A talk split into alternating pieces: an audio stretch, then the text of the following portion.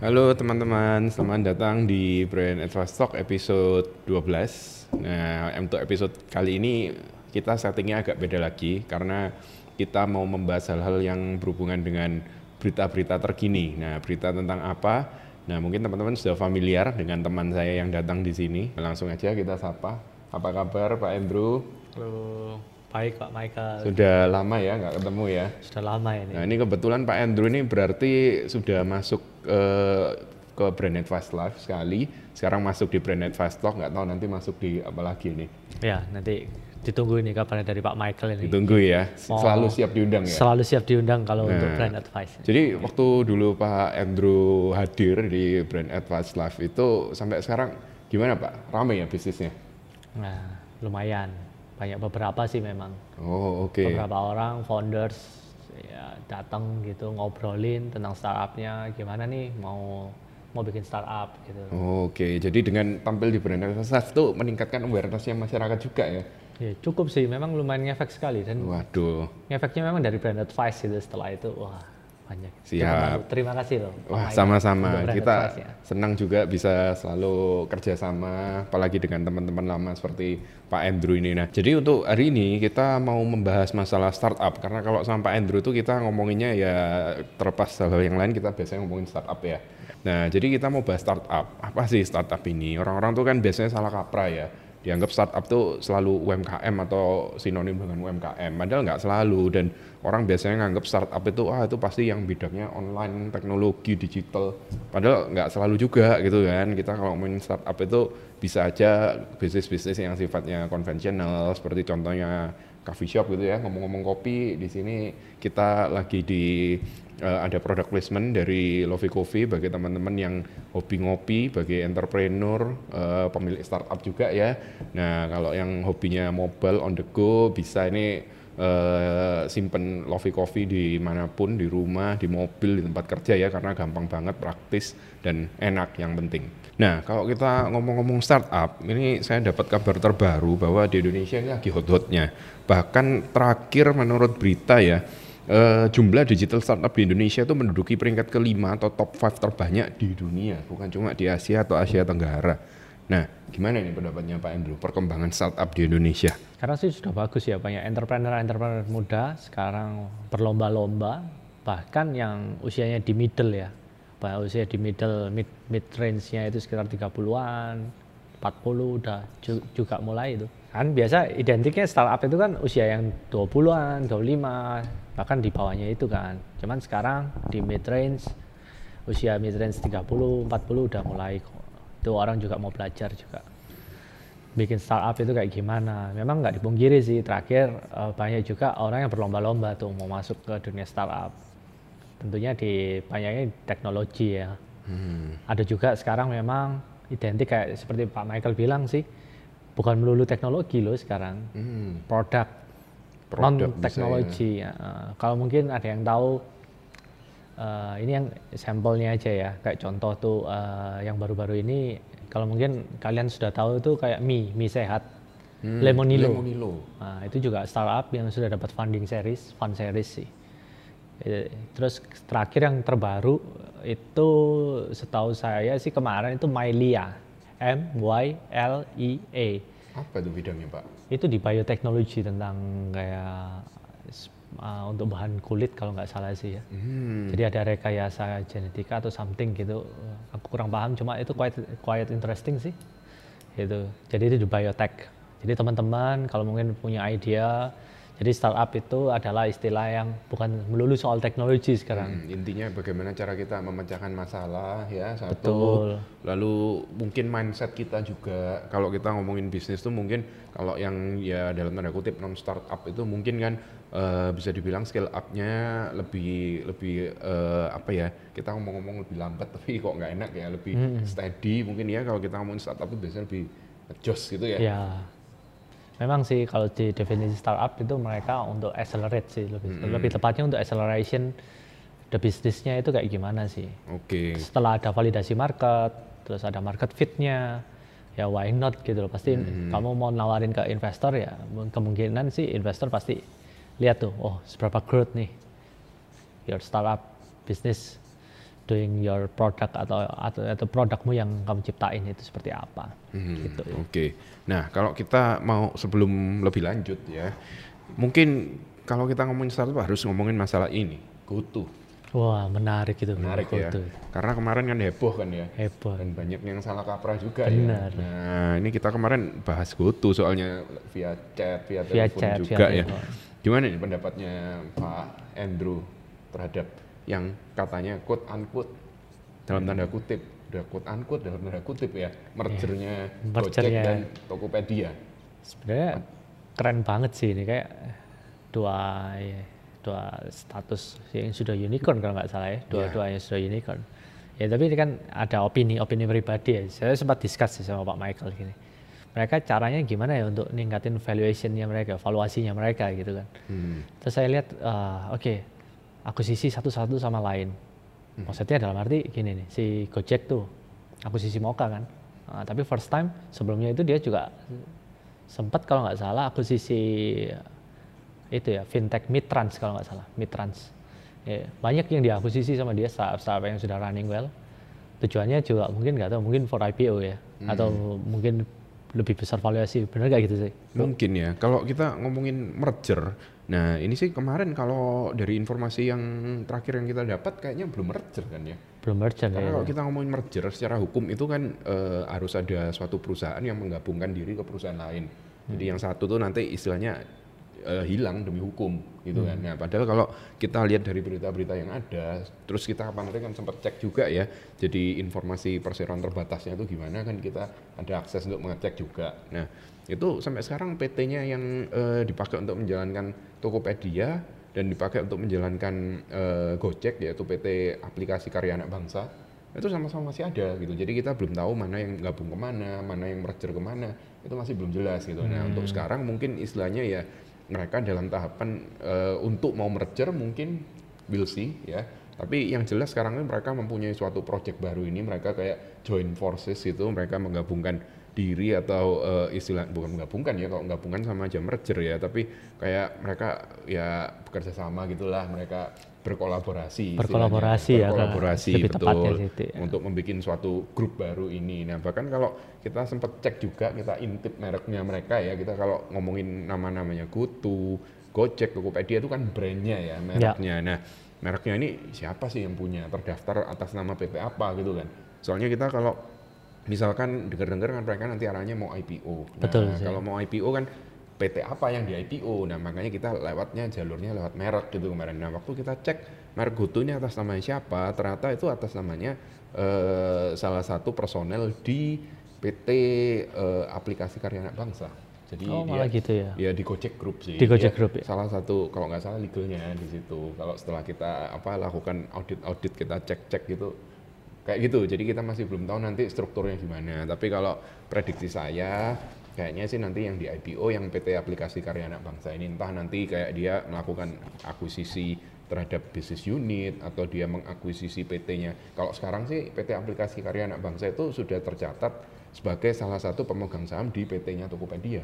Oh sudah jadi salah satu mas Salah satu pemegang saham. Nah di PT Aplikasi Karya Anak Bangsa sendiri pemegang sahamnya kan banyak ya puluhan, nggak tahu sampai ratusan nggak, tapi kan banyak. Biasanya ada yang banyak dari sih, dalam pasti. negeri, ada yang dari luar negeri, termasuk kalau nggak salah eh, Facebook, kalau nggak salah itu juga ada saham di dalam situ. ya biasa sih gitu eh, eh, lalu ada eh, nggak tahu Google, pokoknya banyak sih dari luar negeri yang masuk. banyak gitu. ya institusi institusi ya kalau kita bilang Ya betul. Jadi banyak Institusi. sekali pendana-pendana dari luar negeri dan dalam negeri juga.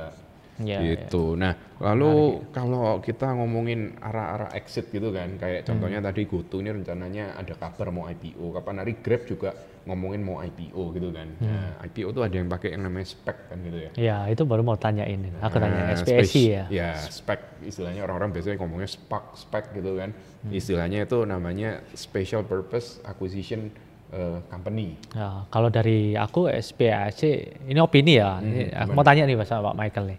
SPAC itu kan kalau aku lihatnya sih dengan apa ya? Aku mengakuisisi suatu perusahaan holding atau apa ya perusahaan induknya itu mengakuisisi banyak perusahaan-perusahaan kecil atau Hmm. bukan bukan perusahaan kecil, perusahaan lain lah ya lebih tepatnya. Perusahaan lain yang dinilai growth-nya bagus, dia bisa ada hubungan, ada kolerasinya dengan dengan perusahaannya dia untuk meningkatkan valuasi. Bener nggak sih gitu Pak Michael? Nah, jadi memang spek ini bisa dibilang suatu perusahaan cangkang gitu sih ya.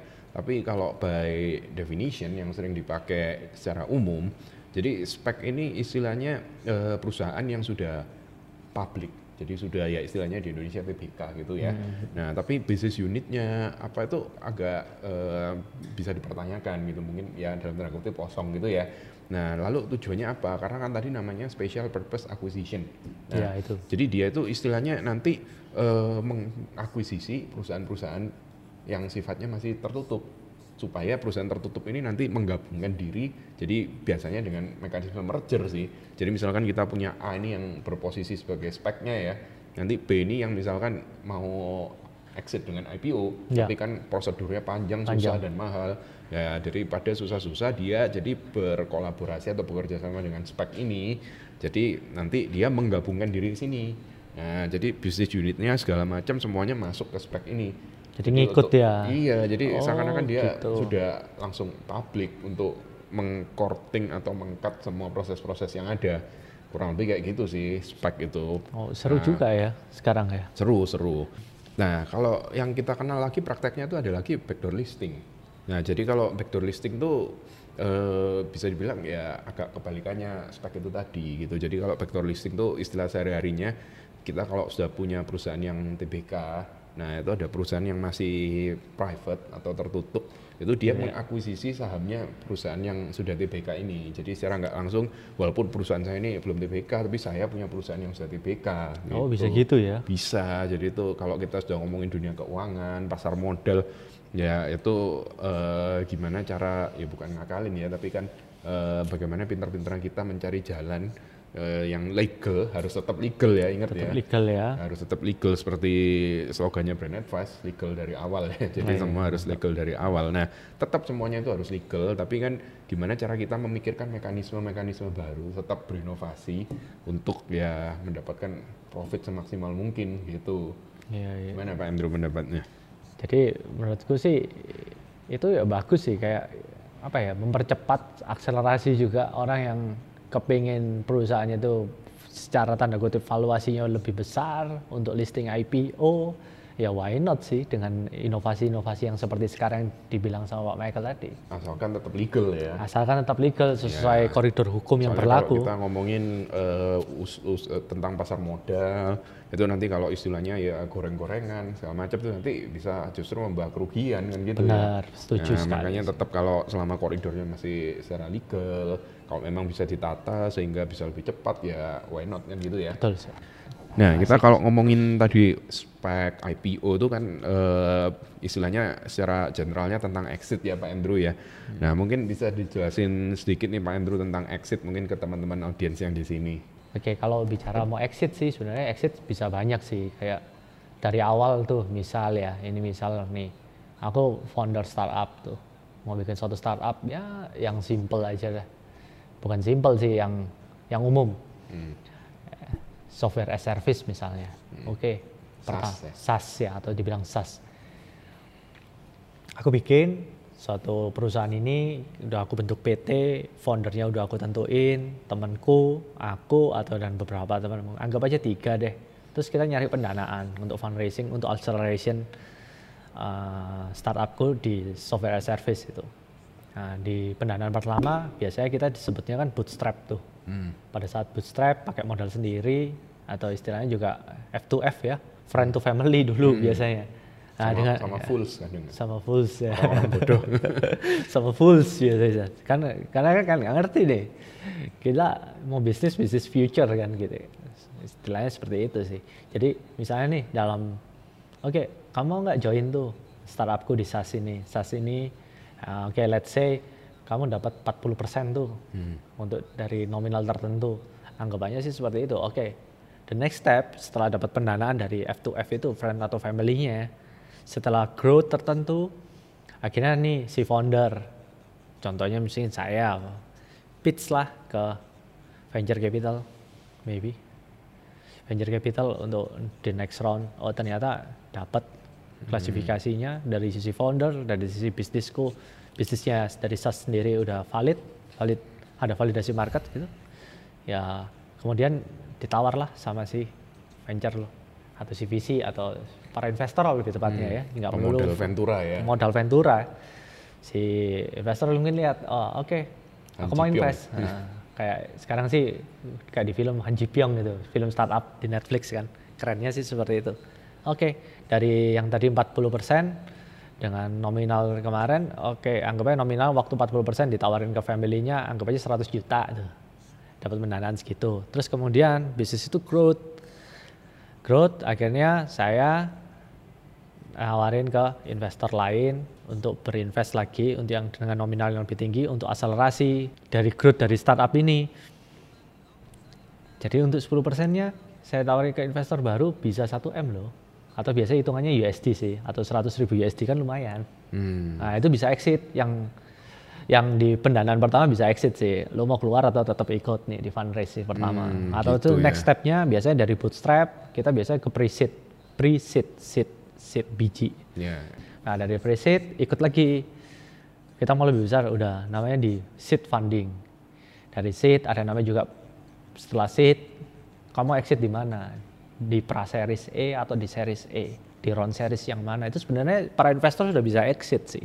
Tergantung waktu ngatur perjanjian kontraknya itu Dia boleh exit di mana? boleh exit ya? di mana atau mau gimana ini apa benar-benar itu nah, kalau untuk masalah kontrak ini mungkin Pak Michael lebih bisa detail ya kayak menjelasin sih apa itu due diligence apa itu founders agreement Nah, penting nggak sih itu Penting banget, penting banget. Kalau due diligence eh, semuanya itu eh, perlu dilakukan dalam hal kita kalau mau masuk ke suatu perusahaan mau mengakuisisi itu mau beli saham itu kita perlu aj- ajukan dulu yang namanya uji tuntas atau istilahnya orang-orang LDD due diligence atau eh, kadang ada yang nyebutnya legal audit gitu Legal lah. audit, ya. Iya, jadi macam-macam istilahnya. Nah, itu penting karena kan istilahnya kayak kita kalau mau invest atau mau beli kendaraan lah, kita kan pasti cek dulu mestinya bagaimana. Lalu ada istilahnya ada baretan-baretan atau enggak.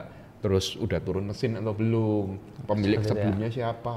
Nah, istilahnya kayak gitulah. inspeksi lah ya Inspeksi total. Inspeksi istilahnya. total ya. Heeh, kita istilahnya mau beli barang kayak barang mobil second gitu aja, kita harus cek sebegitunya. Apalagi kalau beli perusahaan gitu. iya kan. benar sekali sih Nah, kurang lebih seperti itu. Tadi kan kita sudah bahas eh, GoTo ya, lalu kita sudah bahas exit in general. Nah, sekarang ini boleh dong kita gibah-gibah dikit gitu.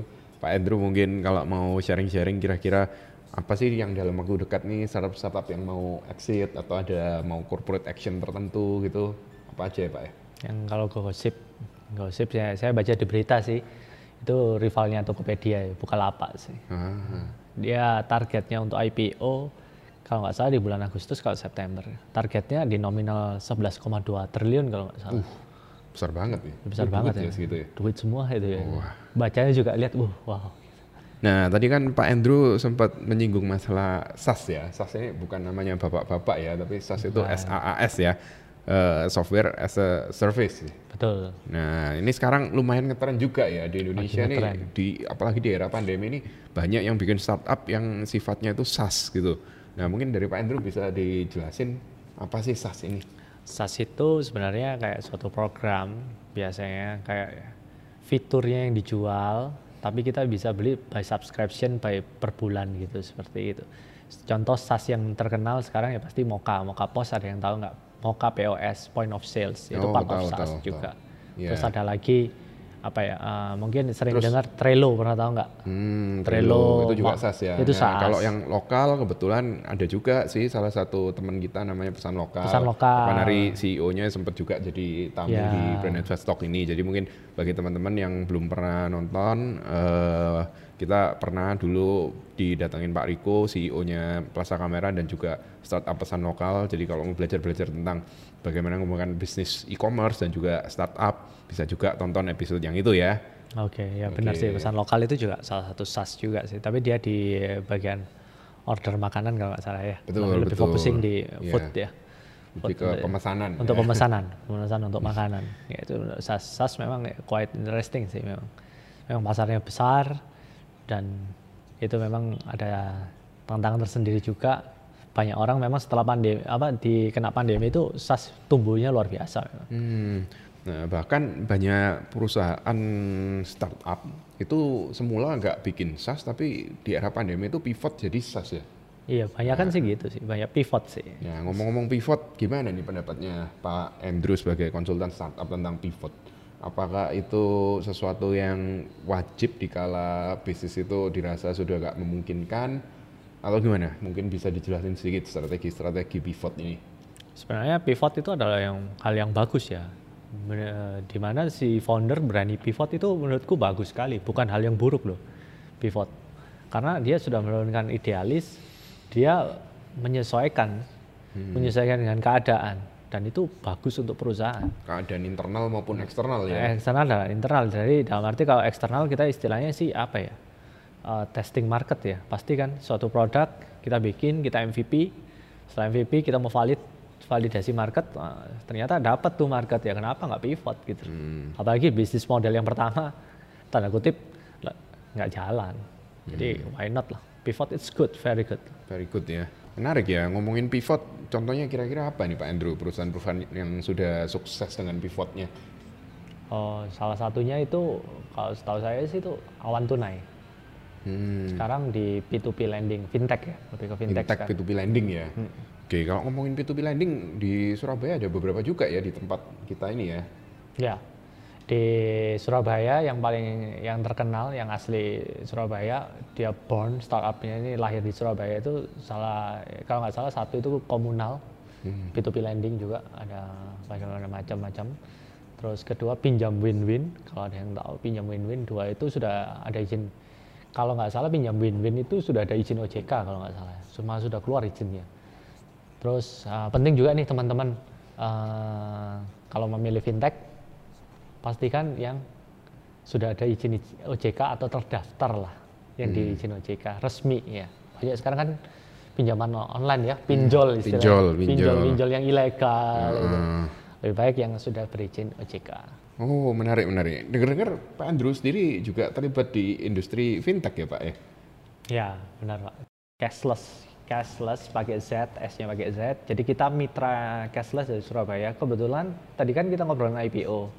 Cashless itu sendiri adalah perusahaan fintech yang ber- eh, bergerak di payment solution. Jadi kebetulan cashless sudah IPO. Pak Michael. udah public Dengan- ya. Sudah public dengan kode cash, C-A-S-H. Hmm. Jadi menariknya seperti dunia fintech di masa pandemi ini memang growth-nya luar biasa. Wah, menarik, menarik. Kita kalau ngomongin fintech tuh memang nggak ada habisnya ya. Kalau Betul.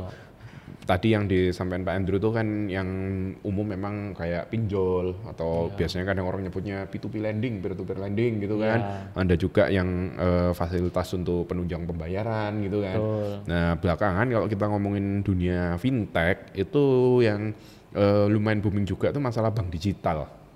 Nah, atau digital bank istilah bahasa Betul, Inggrisnya ya. bank. Terus kadang disebut juga neobank gitu Neobank mungkin. ya, betul. Nah, mungkin bisa dijelasin dikit nih Pak Andrew, gimana sih neo, cara bekerjanya bank digital ini, lalu apa yang dimaksud dengan bank digital? Ya, jadi eh, yang lagi viral kemarin sih Bank Jago ya. Oh, itu salah satu Salah contohnya satu ya, contoh Bank Jago ya. Jadi memang eh, bank digital ini tujuannya sih memudahkan kayak kita ini para nasabah untuk bikin suatu akun bank. Biasa itu kan kita mesti itu ke bank, Mm-mm. mesti daftar, kan kelamaan, takes time. Kenapa nggak digunain dengan teknologi, Hmm. dengan hitungan hari, days, kita nggak perlu datang lah ke bank. Makanya disebut juga Hmm. Dan juga mereka bisa menghemat lokasi ya, jadi Betul. nggak perlu buka kayak apa namanya physical store gitu ya. Betul, dan bisa ditransfer. Transfer dengan hitungan detik juga bisa masuk gitu. Hmm. Jadi memang sekarang saatnya itu beralih ke bank digital. Bahkan eh, dengar-dengar banyak istilahnya yang bank-bank kecil ya, itu mau kecil. bertransformasi ya Betul. dari bank digital ya. Eh, bank Jago ya, sebelum dari Bank Jago itu ada namanya satu bank itu Genius ya. Jenis Genius mungkin teman-teman sudah banyak yang tahu yang biasa di mall-mall yang biasa dengan slogannya yang khas, Hai Kak, sudah punya Genius belum? Nah, itu salah satu growth yang luar biasa. Genius itu sebenarnya dari Bank BTPN. Nah, kembali ke Bank Jago, Bank Jago itu kalau nggak salah juga sudah diakuisisi sama Gojek. Nah, kita lanjut ke pembahasan kita berikutnya ya. Boleh Pak. Tadi kan Pak Andrew sudah sempat ngomongin masalah perbankan fintech, perbankan kita kan sempat ngobrolin masalah bank-bank digital gitu ya. Iya. Sekarang kita balik ke bank konvensional. Bangun Nah, kita kalau ngomongin tren-tren startup sekarang, tadi kan kita sudah sempat sampaikan ke teman-teman ya kalau startup di Indonesia itu termasuk growth-nya sangat bagus bahkan sekarang katanya konon katanya sudah lima besar di Indonesia gitu. Benar. Pak Michael. Nah, belakangan ini kalau saya dari segi pelaku bisnis yang bidangnya eh, konsultan ya, saya kan kebetulan di bidang hukum sebagai konsultan yang kebetulan juga ada beberapa klien yang startup. Nah, belakangan yang eh, sering jadi pembahasan itu bank-bank konvensional tuh belakangan sering memberikan funding dan inkubasi ke startup-startup. Ya, memang beberapa bank sekarang sudah mulai ke arah ke sana sih. Tapi memang nggak semuanya. Mungkin salah satu pertama itu grupnya BCA dengan gudang garam ya, dengan GDP Ventures ya. BRI kalau nggak BRI juga, BRI yang lagi hot juga dengan BVI Ventures dan juga punya inkubasi juga namanya Sembrani Nusantara Hmm. menciptakan juga beberapa startup yang luar biasa sih dan dengan dibantunya mulai bank-bank masuk menurut saya sih ini bisnisnya menjadi bisnis unit baru ya dari bank bank tersebut gitu loh. Termasuk pendanaan funding dan inkubasi. Itu menandakan menandakan bahwa sebenarnya Indonesia ini juga cukup siap sih Hmm. dari ekosistemnya Apalagi yang mungkin memang skalanya startup-startup yang masih UMKM gitu ya, Betul. masih kecil lah. Bukan kita nggak bisa ngomong UMKM ya, karena kalau udah menengah tuh udah besar ya. Besar Udah- sebenarnya. udah. Kalau yang masih mungkin kurang pendanaan, kurang bimbingan gitu bisa ya dengan eh, bantuan dari bank-bank konvensional ini ya. Ya, Sekarang eh, opsi untuk pendanaan tuh nggak cuma di angel, friends, family atau pemodal ventura ya, bahkan Betul. dari perbankan sendiri mengadakan bukan cuma pendanaan tapi inkubasi juga gitu ya. inkubasi benar Nah, gimana nih pendapatnya Pak Endo tentang startup-startup baru-baru ini yang banyak mendukung pemberdayaan UMKM gitu? Oke, basically orang mendirikan si founder men- mendirikan suatu startup itu adalah problem pasti di di, tengah-tengah ini ada pasti ada masalah kan dan di, di- mereka menciptakan solusi dengan salah satunya dengan teknologi yang sangat membantu dari UMKM ya pasti di SaaS software service kayak misalnya ini aku jualan sesuatu eh, kayak Sayur gitu ya? mungkin? sayur ya mungkin ya kayak sayur gitu kan ngitungnya susah pakai SaaS yang bisa point of sales lah Ya. bisa mencatat dengan keuntungan dia bisa mencatat dengan buku keuangan nah, Yang dan banyak lagi tuh kalau nggak salah belakangan yang untuk itu ya warung-warung warung digital. Ya. ya itu benar. Itu gimana itu Pak Andrew? nah salah satu yang menarik itu adalah startup Wahyu dengan pendanaan kalau nggak salah sudah series E sudah 5 juta USD kalau nggak salah. Dan baru-baru ini baru-baru ini masa-masa pandemi ini yang dapat pendanaan di series B. Itu dari Surabaya loh. Oh, siapa tuh Pak? aplikasi super pak Hmm. itu malah pendanaan terbesar di tahun ini sekitar sudah series B sekitar 400 miliar lebih dapat pendanaan terakhir Wow. jadi teman-teman yang di Surabaya jangan berkecil hati kalau mau mendirikan startup para founders kalian kita bisa kok Apalagi dengan konsultan yang tepat ya. wah iya terima kasih Pak Michael Nah, eh, tadi kan kita sempat bahas inkubasi ya. Nah, inkubasi itu biasanya kan melibat, melibatkan juga edukasi gitu. Nah, kalau kita sambung-sambungin dengan startup, belakangan ini saya kok merasa banyak sekali startup yang di bidang edukasi atau kadang orang bilangnya itu edtech gitu ya. Attack benar Atau kadang ya memang nggak selalu, tapi umumnya itu di bidang LMS juga, Learning Management System Learning ya. Management System Nah, itu semakin berkembang juga mungkin di era pandemi ini ya. Gimana pendapatnya Pak Andrew ini?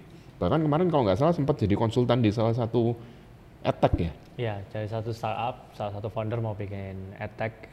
Memang sih edtech ini nggak dipungkiri sejak pandemi ini naik. Karena kegiatan tatap muka ini kan dilarang dari pemerintah, ada kebijakan-kebijakan dari PSBB atau apa. Jadi tidak mungkin kan untuk tatap muka sehingga edtech ini juga growth. Growth yang luar biasa sih. Tetapi banyak juga para pengamat lainnya juga berbicara bahwa edtech ini sementara, tetapi tetap ada pasarnya. Hmm. Jadi nggak itu bisa menggantikan eh, Tidak pendidikan bisa konvensional ya, tapi muka. mungkin bisa menunjang gitu aja ya. menunjang, terutama untuk skill. Hmm. Skill itu bisa di edtech. Jadi mungkin yang merasa sekolahnya kurang, kok kayak kurang greget gitu, mungkin ambil sekolah melalui eh, edtech yang ada edtech ini ya. benar. Dan juga sekarang tadi Pak Michael kan bilang learning management system ya. LMS itu sebenarnya memang part of edtech, tapi dia lebih kayak di institusinya atau di pengajarnya. Jadi kayak dia memonitoring monitoring muridnya seperti apa, terus apa yang hal-hal yang sudah dikerjakan itu apa aja dengan learning management system seperti itu. Oke, siap. Nah, menurut Pak Andrew, kira-kira tren apa nih yang bakal terjadi ke depannya mungkin atau mau eh, prediksi Pak Andrew terhadap bidang-bidang yang bakalan sukses ke depannya ini gimana, Pak?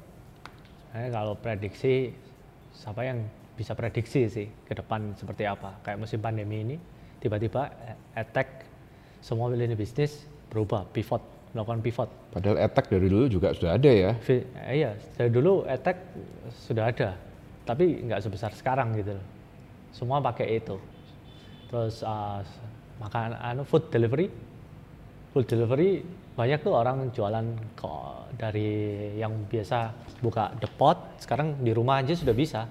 Dia pakai software-software atau layanan-layanan seperti dari GoFood atau sekarang sudah ada Shopee Food.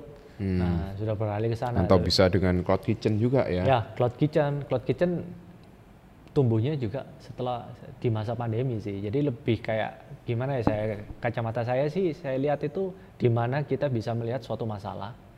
Terus kita berusaha solving the problem gitu. Hmm, kayak- Menyelesaikan masalah tersebut baik dengan teknologi maupun tidak. Cloud kitchen itu cukup menarik karena tingkat growth-nya luar biasa.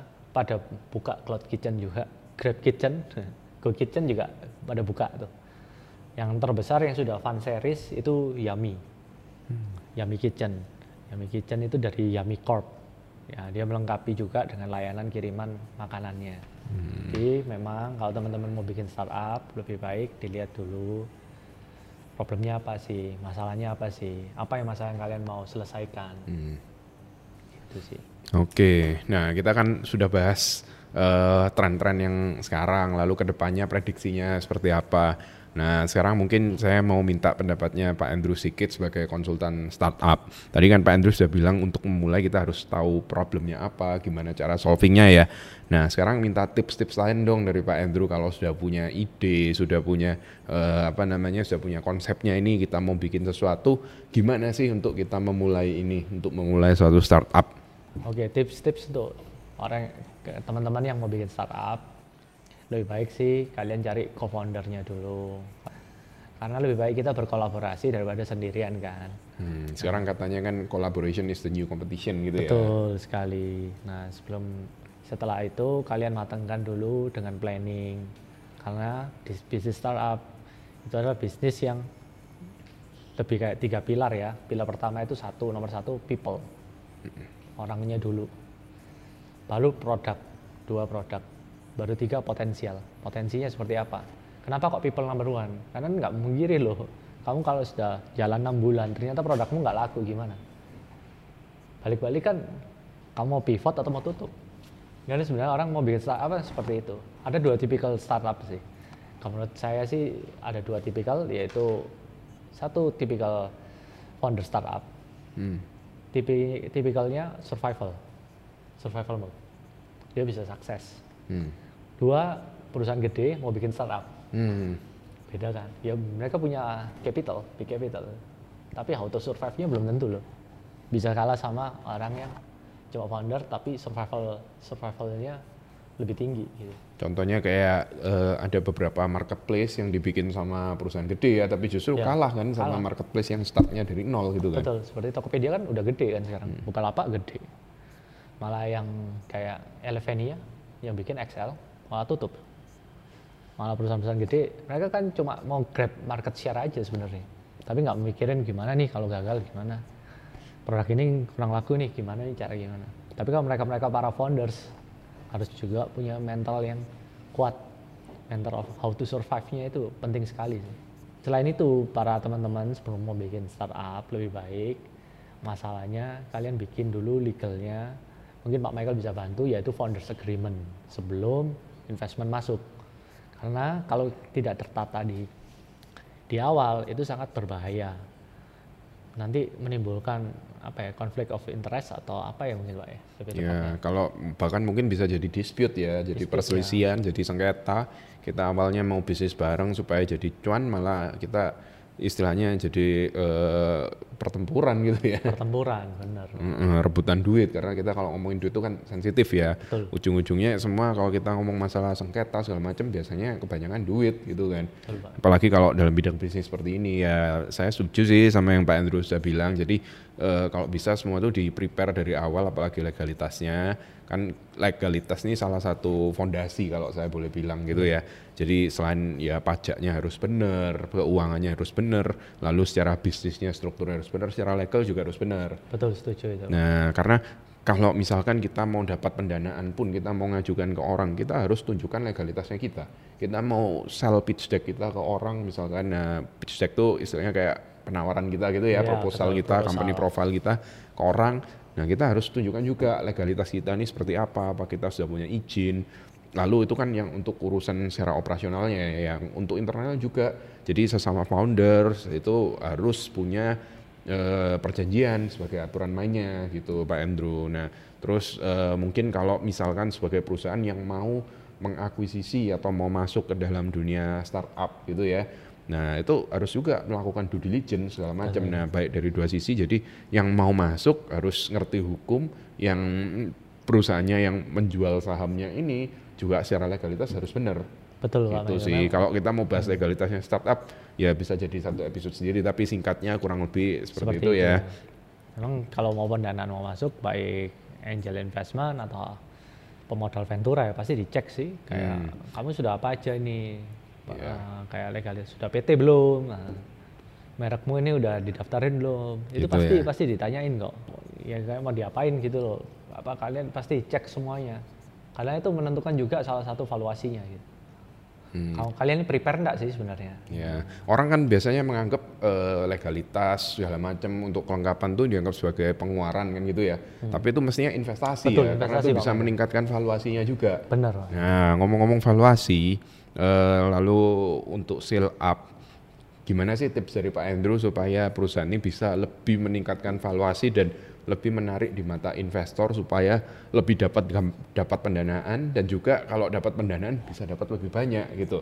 Gimana nih tipsnya Pak Andrew sebagai seorang konsultan startup? Oke, memang bicara startup itu bukan suatu perusahaan yang profit kan untuk menilai sebuah valuasi gitu. Makanya dari itu kita memang dari satu harus foundernya dulu. Dilihat benar-benar seperti apa.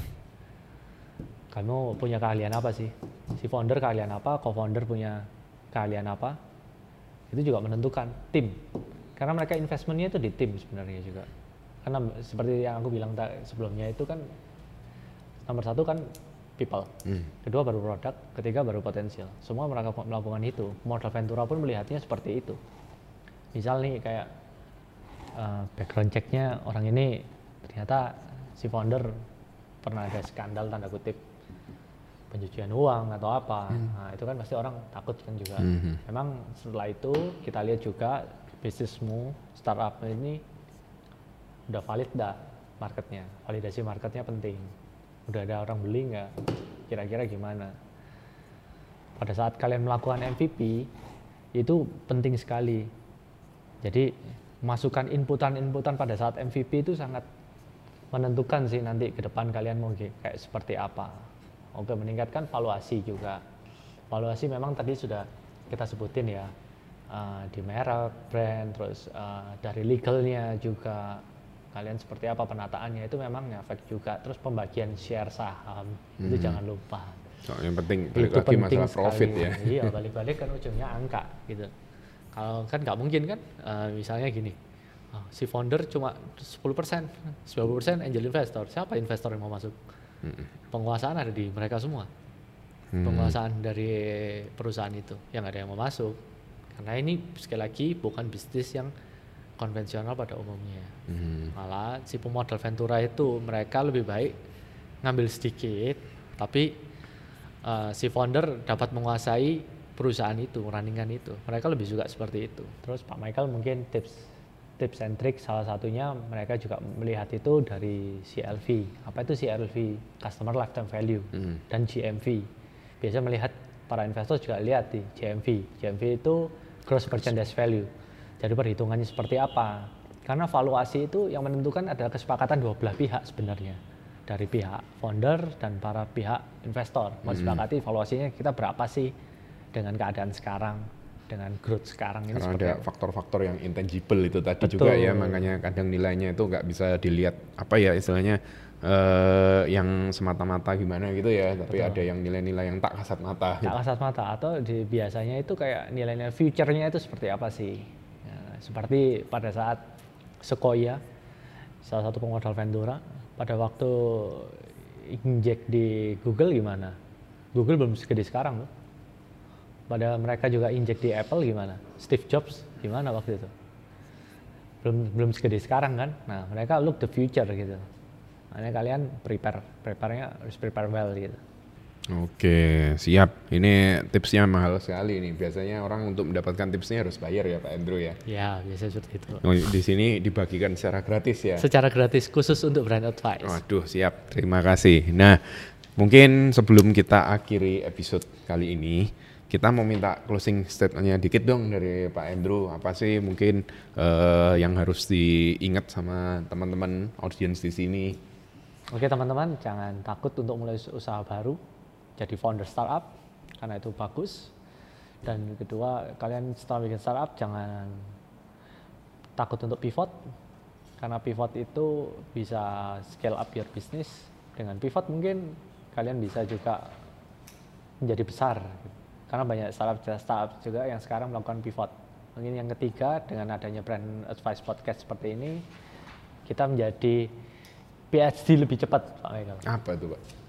PhD di sini kita bilang P-nya itu poor, kita harus selalu apa ya, airnya poor itu kita kekurangan terus akan ilmu, kita mau belajar terus. Nah, hungry, kita selalu kepingin apa yang setelah kita pelajari kita lakukan. Dan driven pastinya, driven itu melakukannya dengan secara konsisten. Oke, itu dari saya Pak Michael.